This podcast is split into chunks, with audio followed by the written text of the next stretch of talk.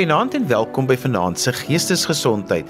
Vanaand gaan ons 'n bietjie verder gesels oor leuns en misleiding en ek het 'n menslike leuen-verklikker wat ons al op 'n vorige program gehad het en dit is Lizet Volkwyn wat vir ons bietjie meer gaan vertel oor leuns en misleiding. Ek wil begin daarby om te sê maar wat is die sielkunde agter leuns en misleiding want dit help my sogal om te weet waar hoe dit werk en dit help ook om bietjie te verstaan hoe werk mense wat leuns beoefen en mense mislei hoe hulle gedrag werk. Johan, baie dankie. Ja, verseker, jy weet daar's net twee redes hoekom mense leuns vertel. En dit is die daar's twee hoofredes. Natuurlik is daar 'n klomp kategorieë. Die twee hoofredes is ons om pyn te vermy of om iets daar uit te kry. In die rent jok ons almal gewoonlik in 'n algemene 10 minute um, gesprek want ons wil nie ons status kwytraak nie. Ons wil nie mense betrokke maak in ons lewens nie. En daai tipe goed, dis hoekom ons jok. So ons probeer pyn vermy of ons probeer iets daar uitkry. Dis die begin van die sielkundige gedeelte van hoekom ons jok. Nou, hoe help dit vir ons om dit te weet dat ons kan agterkom dat daar's leuns by betrokke?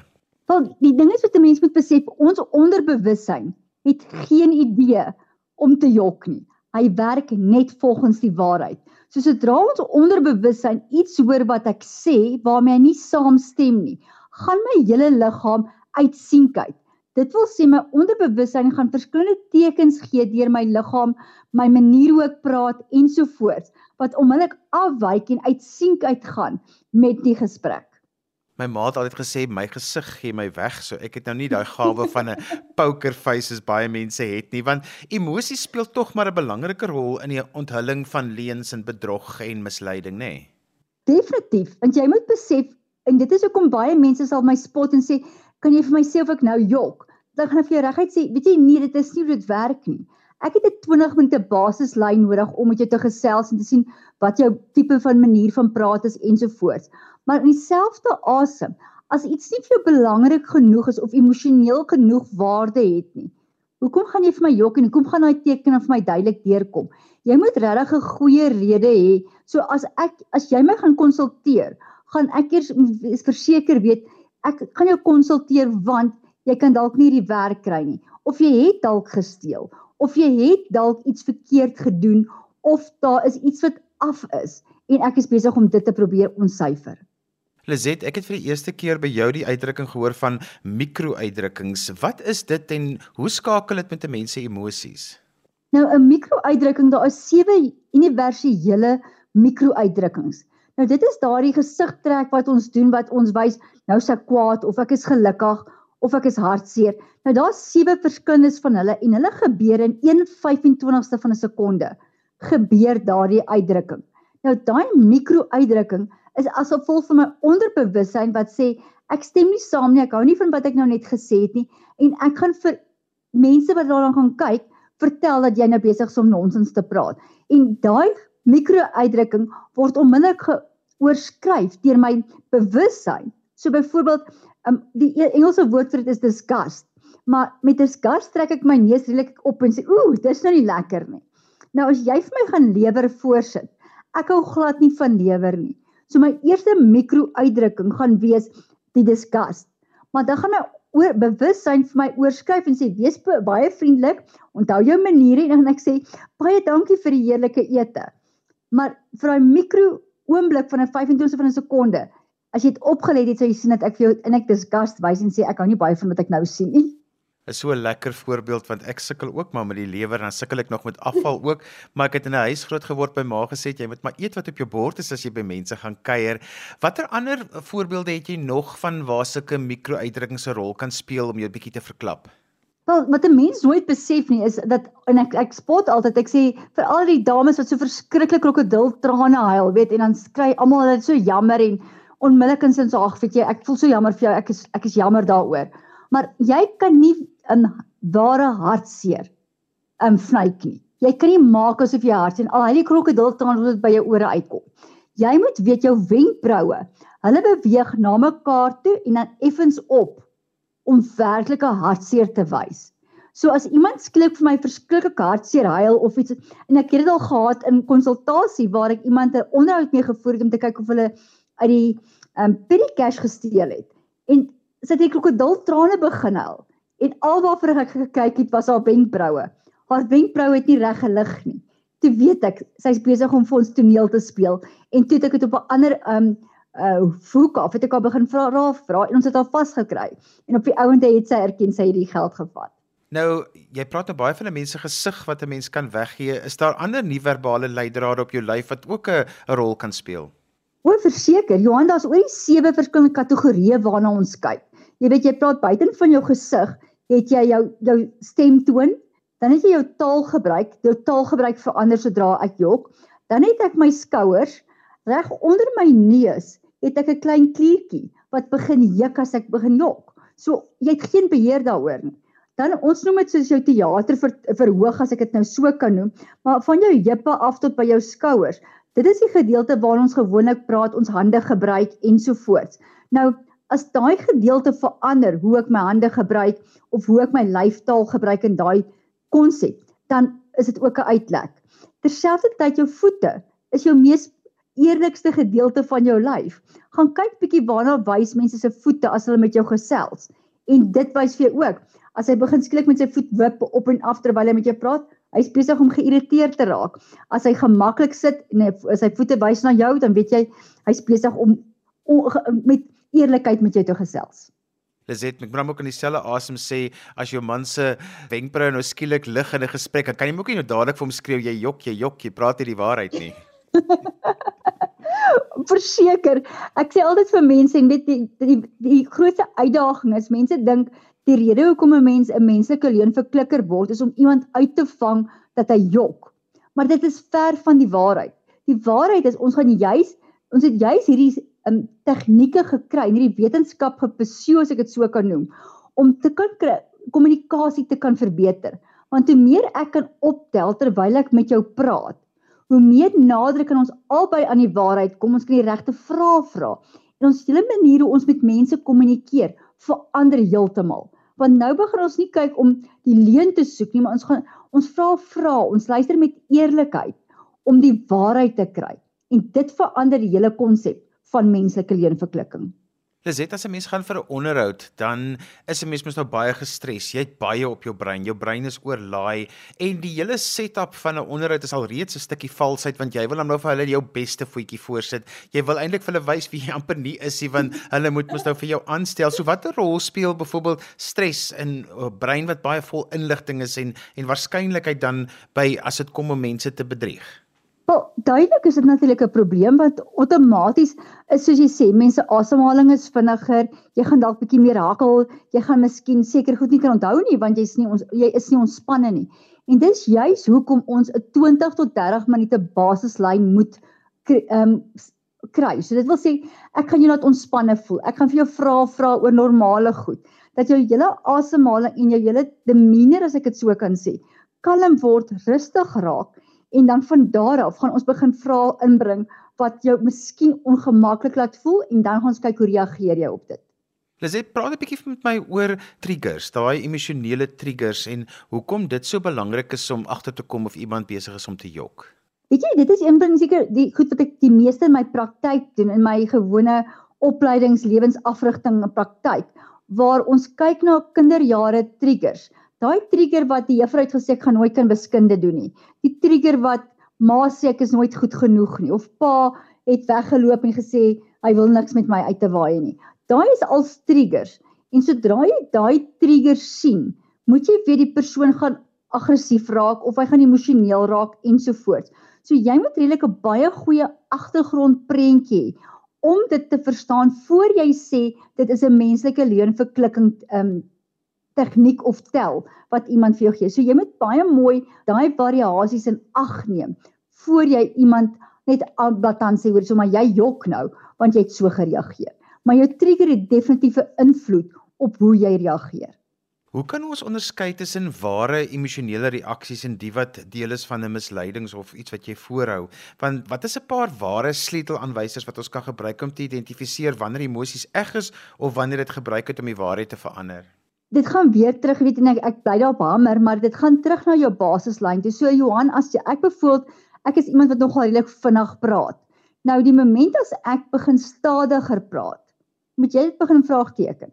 Want tensy ek nie normaal met jou praat ons gesels lekker nie en skielik sê ek Ja, nee, jy weet en toe het ek geloop en ek het toe gisteraand om die huis geloop en agter het ek skielik hierdie slang voor my gesien. Dan moet jy begin vra vra want dit klink nie na Liset Volkmyn se manier van praat nie. So dit is die tipe goed waarna jy gaan kyk om seker te maak waar lê my emosie vlakke as ek praat. So en ek praat nie daarvan as ek op hierdie stadium baie depressief dalk is nie. Dan gaan ek natuurlik bietjie stadiger praat, maar dan het ek 'n basislyn ge, geskep voor ek met jou begin praat het om uit te vind waar is daai emosionele uitbreke, is dit waar of is dit nie waar nie. Lizet, baie keer het mense mannerismes, soos ek byvoorbeeld vat baie aan my neus. Ek dink dit is maar te doen met om baie voor die mikrofoon te wees. Dit doen ek altyd so. Mense wil altyd ook graag die regte boodskap oorsyn vir mense. Jy wil hulle onderbewuste moet nou nie dink hierso is ek nou besig om nou nie die waarheid te praat nie. So wat is die goed wat 'n mens moet oplet as 'n persoon wat jy amper moet half probeer weet as dit 'n mannerisme is, moet ek dit onderdruk wanneer jy in 'n ernstige situasie is? Wel, die ding is jy jouself kan dit nie doen nie, Johan. Jy het nie beheer oor jou onderbewussyn nie. So jy moet weet as jou mannerisme is om gereeld in jou neus te vat of dalk in jou hare te vat, die persoon wat jy gaan onderhoud met jou gaan voer of natuurlik gaan ondervra, gaan daai klaar elimineer as 'n mannerism. So jy kan hom maar die hele tyd in jou neus vat, dit gaan my glad nie affekteer nie. Want ek het klaar opgetel dit is 'n mannerism, dis waarmee jy werk, so dit gaan ek net patant uitskuif uit die ehm um, julle pre volledige prentjie van my evaluasie. Nou, wil ek graag by jou hoor, watter studies is al in hierdie veld gedoen wat vir jou noemenswaardig is wat jy voel dit was deurbreek studies wat ook op jou 'n impak gehad het? Te vertel bietjie vir ons daarvan. Wel, so weet soos ons almal weet, Dr. Paul Ekman was natuurlik een van die groot reuse in die wetenskap van um, menslike leenverklikking. Hy het in die laat 1950s al begin en lank voor dit glo dit of nie in die jare uh, 1000 jaar voor Christus het die Chinese al met dit begin. Hulle het dat jy 'n 'n lepel rys in jou mond sit en as jy dit uitspoeg en dit is uh, droog, het hulle gesê jy het gejok want die oomblik as jy jok, begin jou mond droog word. Nou net om daai studie deur te gegaan het van Dr Paul Ekman en natuurlik al die ander um, navorsers wat dit gedoen het. Vir my was die mikro-uitdrukkings natuurlik 'n fenominale punt om na te kyk. Maar nog een ding nogal wat baie interessant was, is universele vloekwoord as ek dit nou so mag noem, is natuurlik die middelvinger. En ons is so geneig om dit te onderskat. Maar die oomblik as ek kwaad word, maak nie saak wie ek is nie.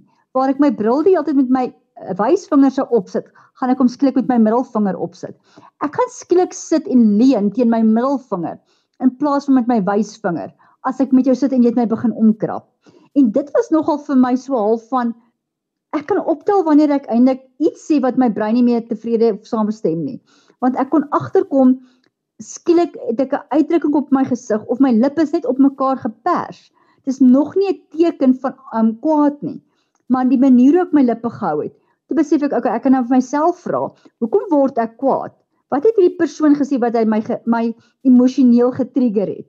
En dit was vir my verskriklik interessant om daai uh, nuances op te tel, nie net in ander mense nie, maar ook skielik in myself. Lizet kulturele en kontekstuele faktore speel natuurlik 'n belangrike rol. Jy het al 'n bietjie daarna verwys, maar byvoorbeeld net om iemand se hand te skud in sekere kulture word dit absoluut as onbeskof gesien, terwyl in ander kulture is dit nie weer onbeskof as jy dit nie doen nie. So, watter rol speel daai kulturele faktore en leidrade? Weerens Johan, dit is baie belangrik dat 'n mens bewus is van dit en ook natuurlik en in jou jou begin fase fase weet daai fase wat ons met mense ondervra en hulle laat gemaklik voel ensovoorts maak jy baie seker dat sekere goed wat hy doen is nie inteenstrydig met 'n kultuur of 'n omstandighede of 'n emosionele trigger nie.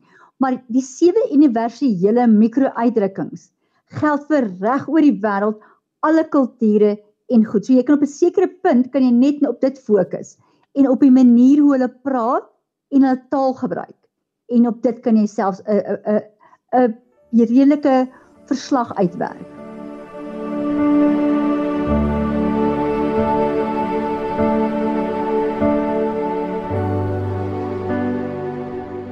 Bietjie fokus op daai mikro-uitdrukkings en ek wil ons met so 'n bietjie meer in diepte daaroor gesels. So gee vir ons 'n paar spesifieke voorbeelde waar mense nou dan spesifiek na mikro-uitdrukkings kan kyk en hoe mense dan daardie besonderhede van die gesig ontleed en om daai emosies te bepaal want baie van ons is nie wil ek amper sê emosioneel geletterd om dit regtig op mense se gesigte te herken nie. Baie beslis want dit is 'n definitiewe tegniek wat jy moet oefen. En as jy nou gaan kyk na die sewe verskillende um, mikro-uitdrukkings wat daar is, ek gaan hulle maar vir julle in Engels gee, dis gewoonlik maar die maklikste ek vra aan verskoning. Dit is natuurlik anger, it's a happiness, disgust, sadness, content, fear and surprise. Nou, daar is so klein verskil tussen angs en verrassing. Maar hier is die ding wat jy moet versef. Verrassing gaan jou mond oop en jou oë word al groot, maar daai hele houding kan net bly vir minder as 3 sekondes meer as 3 sekondes jok jy, dan het jy geweet van die verrassing. So want verrassing moet oorgaan in angstigheid of in geluk en of in kwaad in. So jy moet duidelik daai gesigsuitdrukking kan sien, die mond gaan oop. Met angs gebeur dieselfde. Die mond gaan ook oop van die want dit is die skrik wat jy het. Maar die oë word meer vierkantig groter. So jy moet daai klein nuances kan sien dit is die twee verskille van angs en ehm um, verrassing byvoorbeeld geluk kan ek kan vir jou net 'n glimlag gee, maar ek is nie regtig gelukkig nie. Maar die oomblik as my oë sulke klein vloetjies maak aan die kant, ons noem dit crow's feet, dan weet jy daai is regtig gelukkig en jy het hom nou regtig opgewonde gemaak. En dit is waar jy daai eerlikheid kan kry. Natuurlik kwaad is baie maklik. Jy kan duidelik op die ou se gesig sien hy's kwaad. Maar wat mense nie besef nie, ek hoef letterlik net in die binnekant van my mond op my tande te byt en my lippe bymekaar te sit En dis die eerste tekens dat ek besig is om kwaad te word. Nou as jy in 'n gesprek is of dit nou met 'n koper is of dit met 'n kollega is, wie ook al dit is, as jy vir daai daai teken oplet en jy kom agter maar hou nie van wat jy nou net gesê het nie, kan jy onmiddellik jou kommunikasie op 'n ander manier begin ehm um, voorgee en begin praat en jy kan dit ontlont en beter inligting kry uit daai persoon uit. Liset gee vir ons nog 'n voorbeeld van waar jy mikro-uitdrukkings gebruik het en dan ook spesifiek op die hoe werk die tydsberekening saam met dit want jy sê na 3 sekondes of in 3 sekondes begin jy al te jok. Ek het nou nie heeltemal daarin gekry nie, sê gou weer. So, kom ons terug. So in verrassing. As kom ons sê jy het my vir 'n verrassingspartytjie gehou. En ek stap in en ek het hierdie skielike verrassingsuitdrukking op my gesig. Nou verrassing is die enigste uitdrukking wat nie langer as 3 sekondes mag bly nie. Dit wil sê want die moment as ek langer as 3 sekondes uh, en dit is amper eintlik minder as 3 sekondes. Um verras lyk. Like, moet jy weet ek is besig om aan te sit en ek is besig om net te vnyk. Ek het geweet van hierdie verrassing. Verrassing moet oorgaan na 'n ander uitdrukking toe. Maar al die ander uitdrukkings gebruik in 'n 25ste sekonde en jy moet weet daai uitdrukking moet in minder as 10 sekondes gebeur van wat ek het gesê het. Soos ek vir sê, jy weet Johan, ek is verskriklik kwaad vir jou. Maar nou praat ek verder en dan eers wil ek my gesig wys as kwaad. Dan weet jy ek dit is uit lyn uit. Dit moet in sink wees. 'n Baie goeie voorbeeld is vir as ons luisteraars wil gaan kyk, gaan kyk na die ehm um, Lance Armstrong onderhoud. Toe hulle met hom gepraat het oor natuurlik die bekende doping wat hy gedoen het. Nou jy sal gaan kyk na sy gesig en jy sal sê sien hy sê ek het nooit gedoop nie. Ek het nooit enige um aanvullings gebruik nie ensovoorts.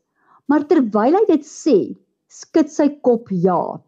So terwyl hy sê nee, ek het nooit gedoen nie, skud sy kop ja. En dit is daai tekens waarvoor jy kyk. Kom ons vat iemand soos Donald Trump. Ek meen hy moet seker vir julle wat ons noem ek met 'n case study wees om om te weet van hoe die goeters werk.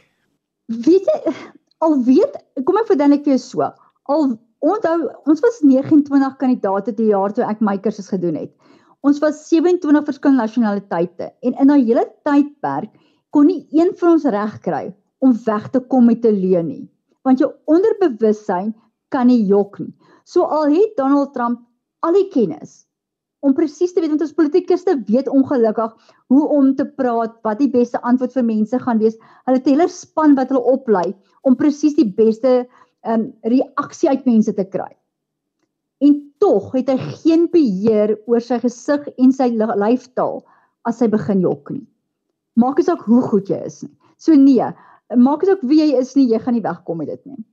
Lizet, ek het nou weer met die kroning van koning Charles van Engeland, het hulle nou weer al hierdie liggaamstaalkenners gehad wat omtrent elke gebaar, elke wenkbrau wat gelig het, het hulle ontleed. Wat is die verskil tussen wat jy doen en iemand wat liggaamstaal kan lees?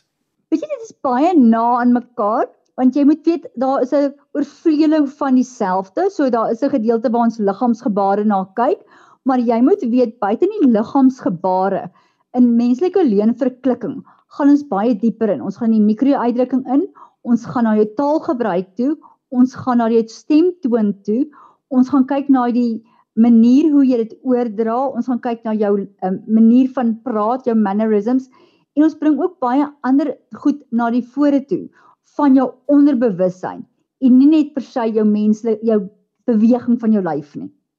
Lizet, hoe kan hierdie kennis wanneer mense die waarheid praat of nie vir jou help met jou geestesgesondheid? Weet jy, dit is 'n baie goeie vraag Johan. Ons is so geneig om te dink menslike leentrekke klink dis negatief, dis die speurstories, iemand het my te nagekom en ek hou nie daarvan nie. Maar menslike leenverklikking gaan oor kommunikasie. Dit gaan oor die verbetering van wat ek hoor en ek kan sien. Sodra ek heeltyd dink dat jy vir my goed wegsteek of as ek heeltyd met jou gesels en dit voel net vir my die kommunikasie, ek spot dat en sê daai energie, daai vibe voel af dan raak ek baie negatief en ek dink is daar fout met my? Wat het ek verkeerd gesê? Hoekom het ek dit gesê? Maar sodra ek hierdie tipe tegnieke aangeleer het, kan ek met 'n persoon kommunikeer en ek het 'n baie ander persepsie oor kommunikasie. So as jy vir my iets sê, een ek vat nooit iets wat iemand vir my sê persoonlik nie, want ons weet niks in die wêreld is persoonlik nie. Dit kom van jou persepsie af, van jou omgewing, van jou agtergrond. Maar die oomblik as ek met jou gesels, en ek kan optel dat daar 'n afwyking is van wat jy sê ensovoorts. Dan kan ek my vrae anders te stel en ek het 'n oop lyn van kommunikasie wat ek met jou begin beweeg. In plaas van dat ek sê ek wil nie regtig vra of jy jok nie, maar hierdie klink nie reg nie. Maar nou gaan ek op 'n ander manier my vrae vra want ek het die tegnieke en nou kry ek die regte antwoord sonder dat daai persoon eintlik weet hy het van die waarheid gesê.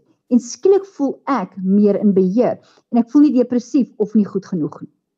Lizet wat vir my belangrik is is dat mense moet regtig hierdie tegnieke ook oefen. Dit is nie iets wat 'n mens sommer net het nie want baie keer dan verwar mense hierdie tegnieke met van jy het so gevoel as jy iemand ontmoet en dan begin jou hare rys en dan dink jy maar die persoon gaan nou vir jou jok. Hierdie is wetenskaplik. Jy moet dit oefen. Daar is definitief ongetwyfeld jy moenie dink as jy nou op 'n tweedag kursus was of net 'n uh, artikel gelees het dat jy nou skielik dit 100% kan weet. Dit moet 'n leefstyl word soos enige ander tegniek of iets wat jy skielik verander, dit is iets wat jy moet inoefen. Maar as 'n reël kan jy baie vinnig van die goed optel en jy kan baie vinnig begin toepas. En dit is die lekkerste gedeelte van hierdie tegnieke wat 'n mens kan aanleer. Lizet, vertel bietjie vir ons van die interessante dinge wat jy al gedoen het en gevalle wat om ons 'n bietjie meer te illustreer van hoe jy hierdie tegnieke gebruik. Wel, in natuurlik in my lewensafrigting praktyk het ek 'n uh, uh, een van my kliënte uit na my toe gekom en hy het 'n baie baie hoë uh, rol in sy besigheid ook en hy doen baie baie goed met die besigheid. En skielik uh, ek het hom natuurlik career coaching gedoen en skielik het hy begin verander.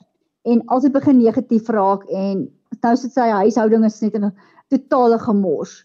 En terwyl ek met hom kommunikeer en die manier hoe hy my antwoord, kom ek toe agter daar's 'n derde party en ongelukkig is ek baie reguit in my um, afrigtingspraktyk want dit is waaroor dit gaan. Ons wil die so gou as moontlik by die regte punt kom. Te vra hom en vertel my net van die derde party en die skok op sy gesig dat ek het geweet het. Dis maar ek het nie vir jou vertel nie. En dit is die tipe goed wat jy kan optel sonder dat jy werklik na 'n spesifieke vraag gevra het. Jy het na die antwoorde geluister wat iemand vir jou gee. So dit was vir my 'n goeie een natuurlik die dame wat haar hande in die um, kontantkas gehad het, ek het haar natuurlik ook uitgekry. Um, en dan het ek natuurlik vir 'n maatskappy wat maatskappye hier hier my in om in hulle hoë profiel onderhoude te sit waar ek dan basies die kandidaat net evalueer terwyl hulle die onderhoud voer. Halfpad deur breek ons en sê ek vra vra meer vrae oor hierdie daar was afwykings op hierdie vraag. En na die tyd doen ek 'n aanbeveling of hulle die persoon moet aanstel al dan nie En spesifiek vir hierdie kandidaat, hierdie kandidaat was briljant geweest om karismaties. Hy absoluut seker gemaak hy praat met die mense wat hulle wil hoor, die regte antwoorde en goed. En my aanbeveling was hy het op op kritieke plekke het hy afwykings gegee. En my aanbeveling was om hom nie aan te stel nie. 6 maande later het hulle 3 3.5 miljoen rand gekos om daardie kandidaat ontslae te raak van daai kandidaat wat niks werd was vir die maatskappy nie. Lizet, ons het nou al baie gepraat oor die mikro-uitdrukkings, maar kom ons praat bietjie oor stem en die mondelingse leidrade. Hoe verander mense stem as jy nie die waarheid praat nie? Wel, vir eerstens, buite net ek kan vinniger of stadiger praat, kan ek ook harder of sagter praat. En ek kan ook jeus raak, want jou onderbewussyn sê moenie praat nie. So dan maak jy jou stem jeus. En dan dit is een van die tekens waar jy kan seker maar kom moet jy nou jeus geraak. Ons spot altyd en sê jy nou die speerverhale kyk waar jy uh, die persoon ondervraag word, dan sit hy altyd vir 'n glas water neer. En die oomblik as hy begin dors raak of sy stem jees, dan moet jy begin vra, hoekom raak hy nou jees? Wat het hier gebeur? So dit is jou stemtoonverandering. Gaan of hoog piek of laag piek. Het jy die koekie gevat? Hoekom gaan ek die koekie vat? En jy sal hoor, die daai vraag kom net onmiddellik terug op. Jou taalgebruik verander. Nou 'n goeie voorbeeld was president Bill Clinton. Weet hy het gesê en ek gaan nou maar in Afrikaans sê, toe hulle gevra het, het hy enige seksuele verhouding gehad met Monica Lewinsky? In plaas en die die, die waarheid antwoord moes wees, nee, ek het nog nooit met Monica Lewinsky 'n verhouding gehad nie. Maar wat hy gaan doen is sê, ek het nog nooit 'n verhouding met daardie vrou gehad nie.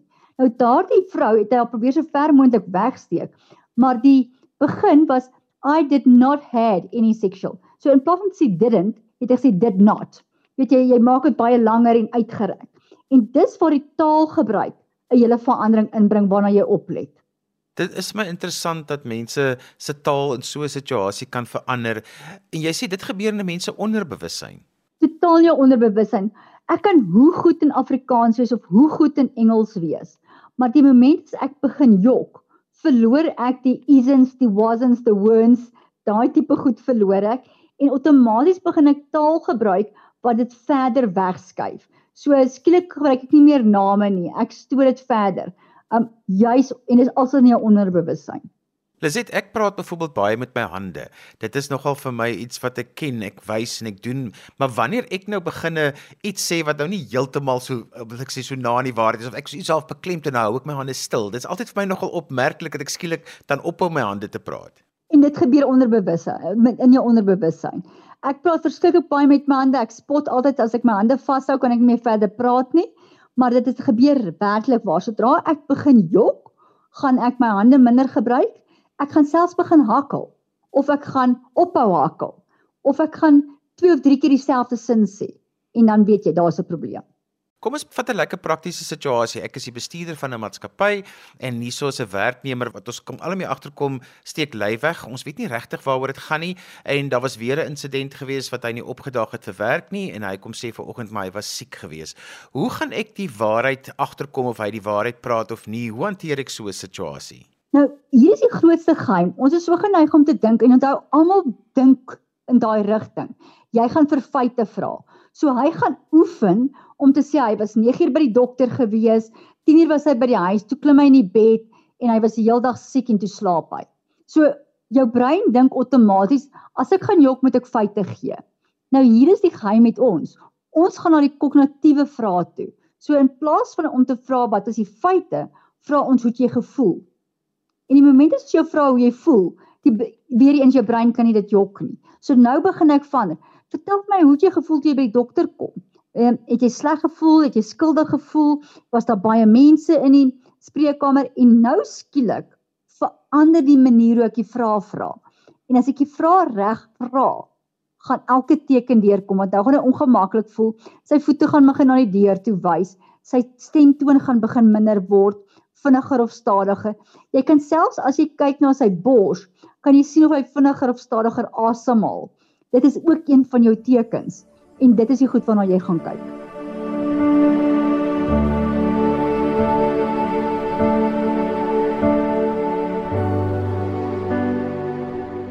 Lizet, wanneer die vertroue binne 'n verhouding geskend word en jy begin vermoed maar dan mag dalk 'n derde party in hierdie verhouding wees en jy wil jou lewensmaat daaroor konfronteer, waarna moet 'n mens dan uitkyk en hoe pak 'n mens so 'n gesprek byvoorbeeld aan?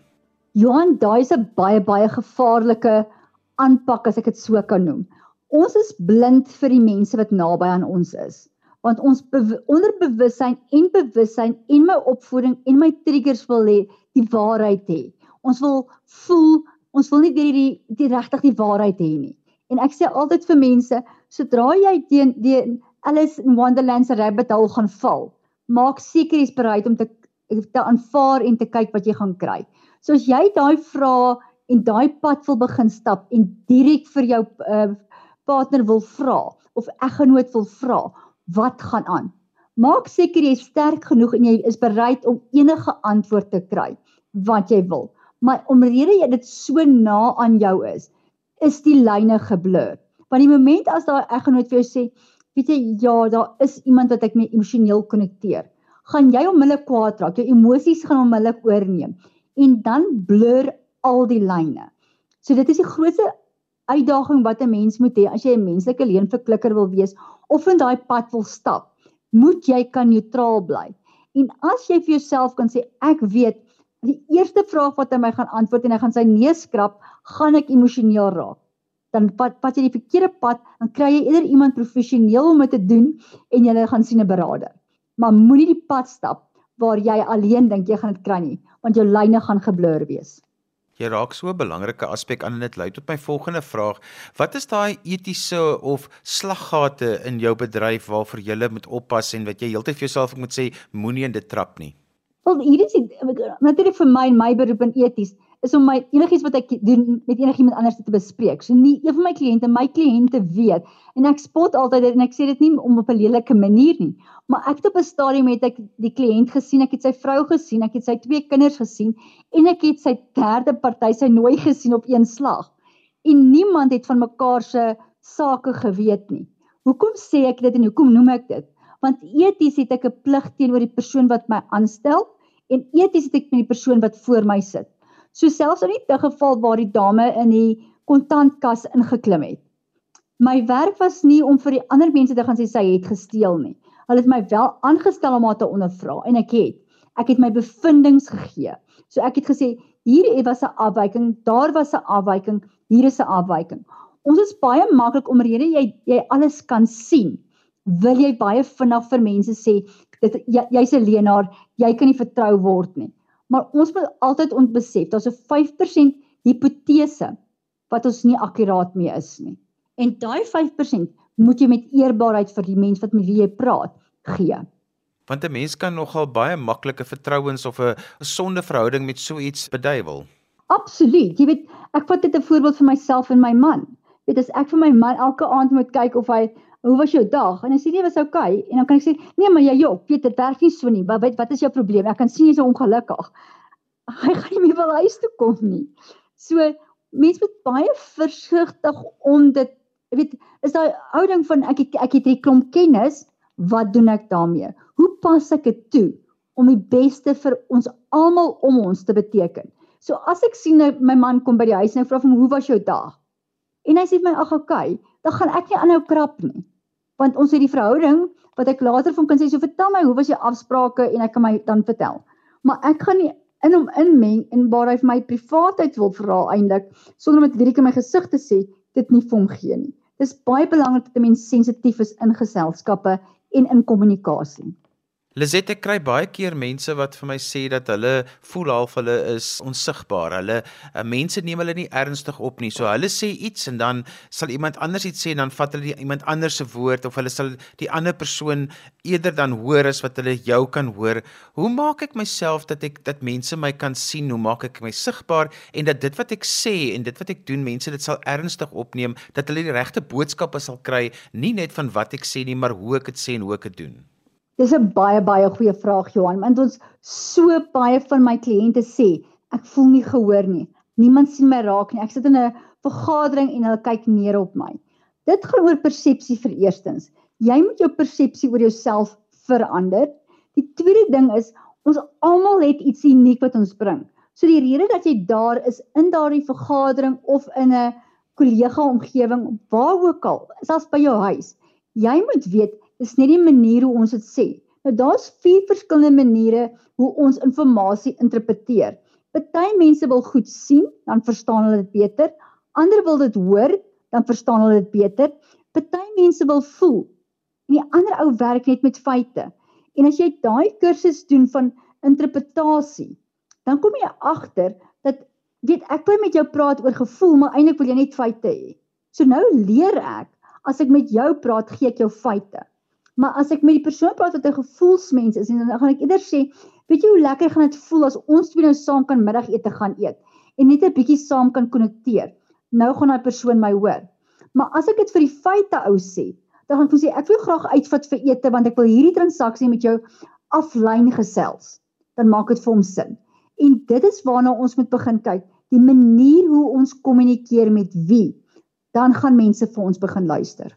Om 'n narcis uit te ken, want hulle is heeltyd besig om met die meeste presisie wat jy kan kry, weg te steek wie hulle regtig is.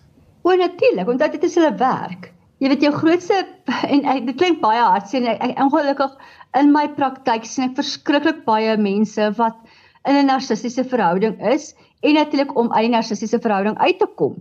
Ek moet net vir jou dit gee gemiddeld vir iemand om 'n narcissiese verhouding te los en uit daai uh, kloue te kom. Loop hulle gewoonlik 7 keer uit die verhouding, gaan terug, uit die verhouding gaan terug 7 keer voor hulle finaal daai skuif kan maak. Dis hoe sterk daai kloue is. En hier is die probleem wat ons het. Ongelukkig die narcis gaan gewoonlik vir en ek sê dit met baie respek vir almal daar buitekant want enige iemand kan gevang word met dit. Maar die narciste gaan gewoonlik vir ons afvlerk voeltjies.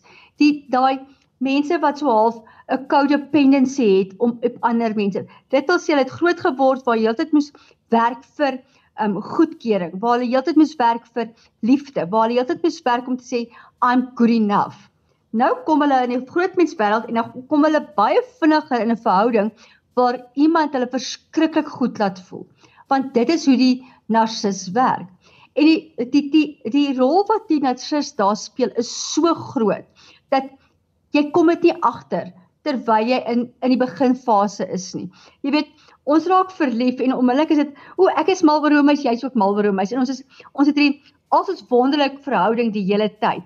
Nou 'n natuurlike verhouding beweeg dan die twee sirkels wat oor mekaar was, beweeg dan 'n bietjie meer uitmekaar uit en ons 'n klein stukkie in die middel wat ons overlap en ons het mis genoeg respek om elkeen se eie individuele lewe te lei en ons saam het ook 'n lewe. Waar die narcis word daai sirkel, my sirkeltjie bly in sy sirkeltjie en dit word al hoe kleiner en ek moet al hoe meer word soos daai persoon. Nou ongelukkig, teen die tyd wat jy by daai klein spikkeltjie kom, is jy vasgevang in sy web. En nou kan ek niks meer leens raak sien nie. Ek sien niks meer raak nie, want ek is afgebreek na niks. Die grootste probleem wat 'n mens het, is sodra 'n narcis ontmoet en if it's too good to be true, gaan doen bietjie jou navorsing, vind uit van sy vorige verhoudings of haar vorige verhoudings. Weet, ek sê altyd sodra jy in 'n verhouding kom en die persoon sê jy weet daai girl was mal of hierdie man of hierdie vrou sê, weet jy ek kon nie met daai vrou huishou nie. Sy het totaal net elke tweede aand het sy so kwaad geword en sy het afgebreek en gehuil. Gaan vra vra daaroor want jy kan gaan mooi kyk. Al daai verhoudings waar mense voorheen in verhoudings was wat al hulle vorige ehm um, verhoudings afkraak en veral emosioneel sleg sê. Begin kyk na daai rooi tekens, want dan moet jy sê geen mens is net sleg van 'n vorige verhouding nie. Kyk hoekom en dan begin jy daarin drill. En as daai persoon begin sê maar ek moes op die ouende my vriendinne los, my man los, mag my ouers los ensovoorts, dan moet jy weet daar's tekens wat jy moet dieper na kyk. Lizet, dan kry jy mos nou ook jou patologiese gewoonte leenaar. Hulle is ook nogal glyjakkalse want hulle is moeilik om uit te ken dat hulle nie vir die waarheid praat nie want hulle luister na alles. Hulle weet eintlik hoe om hulle liggaamstaal en maniere. Ek weet nie vir jou kan hulle nie flous nie, maar vir Jan Alleman vir die mense daar buite, hulle kry dit tog al reg om mense te flous. O Johan, ek hou van die woord glyjakkalse. Ja, hulle is verseker glyjakkalse. Weereens As jy weet waarvoor om te kyk, gaan hulle nie wegkom nie. Weet, jy moet besef ongeag wat mense doen, jou onderbewussyn gaan oorneem. En as jy baie meer aandagtig luister en na die woorde, die taal gebruik, die die tonality van die stem, die manier hoe hulle met jou praat, dan gaan jy begin agterkom om met die klein rooi vlaggies te begin sien. Al en dan gaan jy begin agterkom maar hierdie leenaar hulle word gewoonlik uitgevang éventueel. Miskien nie onmiddellik nie, dis hoekom so baie mense ongelukkig uit hulle pensioene en daai goeders gevlei kan word, maar hulle gaan definitief uitgevang word want as jy mooi luister, jy gaan hoor ek sê altyd luister en kyk, dan gaan jy definitief optel dat daar rooi vlaggies deurkom. Want sodra iemand sê ja, weet ek vat altyd hierdie patologiese leenaars en ek noem hulle pers spesifieke persone wat weet hierdie mense wat in die weermag is wat hierdie vrouens uit hulle pensioene uit verdoesel, weet daai tipe goed. Ons wil so graag, ons is so desperaat om sekere goed te wil hoor dat ons nie luister nie. Nou so mente sê ek weer my emosies parkeer en ek begin luister met die persoon sodra ek net 'n 'n flint kry van dat hierdie ding is nie die waarheid nie. Moet ek onmiddellik my antennes opsit en dan moet ek begin vir tekens kyk en sê, "Hoe praat hierdie ou gewoonlik en hoe praat die ou as hy iets anders te vertel?"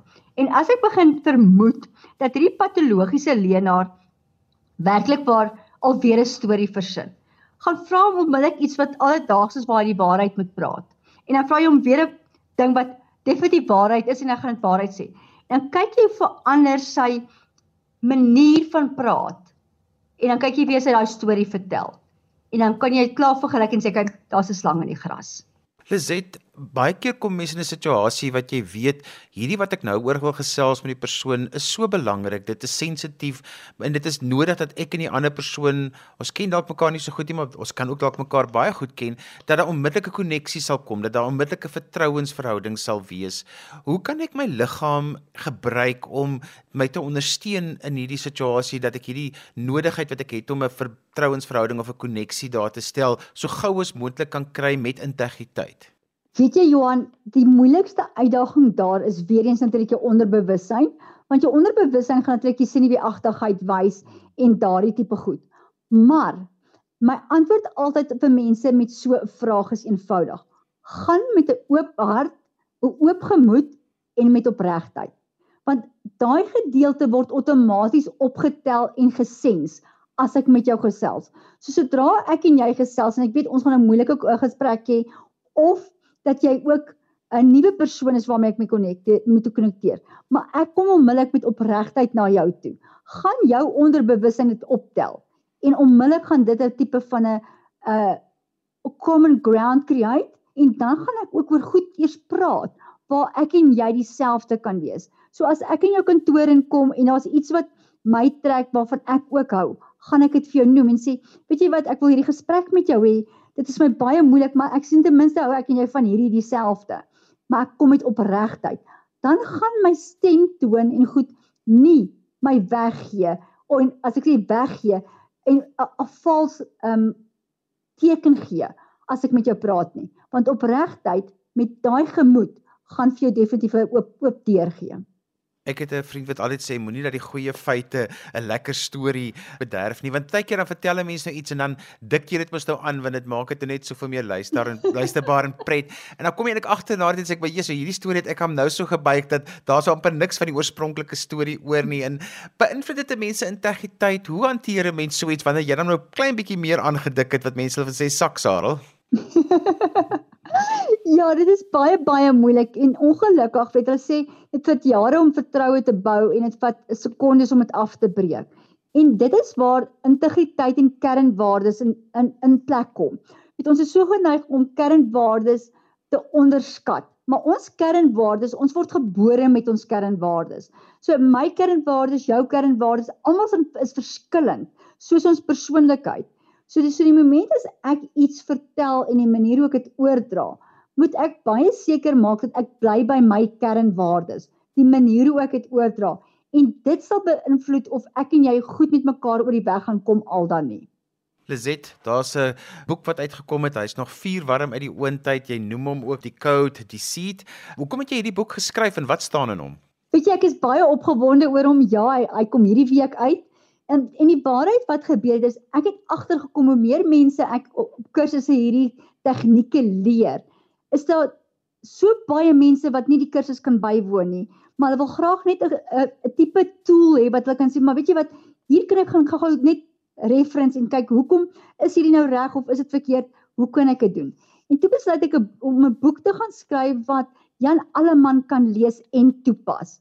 Dis 'n kort boekie, ek dink hy's 78 bladsye lank, maar wat lekker is van die boekie is jy kan vinnig deur hom gaan en jy kan 'n goeie konsep kry van hoe om beter te kommunikeer en die leuns uithaal.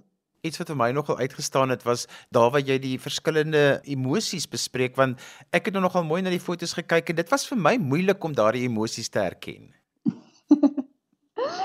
ja, dit is baie moeilik. Dit gaan terug na daai mikro-uitdrukkings toe waar jy dink, is dit nou regtig want dis 'n die foto is 'n weet is 'n konde wat vasgepen is.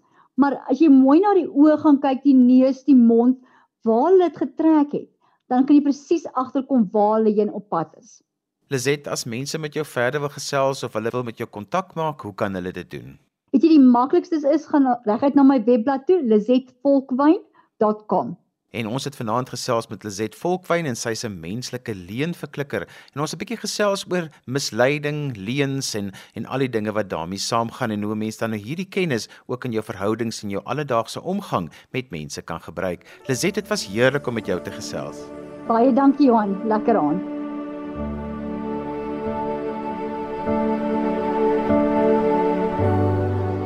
En daarmee ons gekom aan die einde van vanaand se geestesgesondheid. Onthou jy kan weer na vanaand se program luister as 'n pot gooi en laai dit af by resgep.co.za. Skryf gerus vir my 'n e e-pos by Johanvanlil@gmail.com en onthou daai Johan het net een N. En daarmee groet ek dan vir vanaand. Kyk mooi na jouself. Tot volgende keer van my Johan van Lille. Totsiens. thank you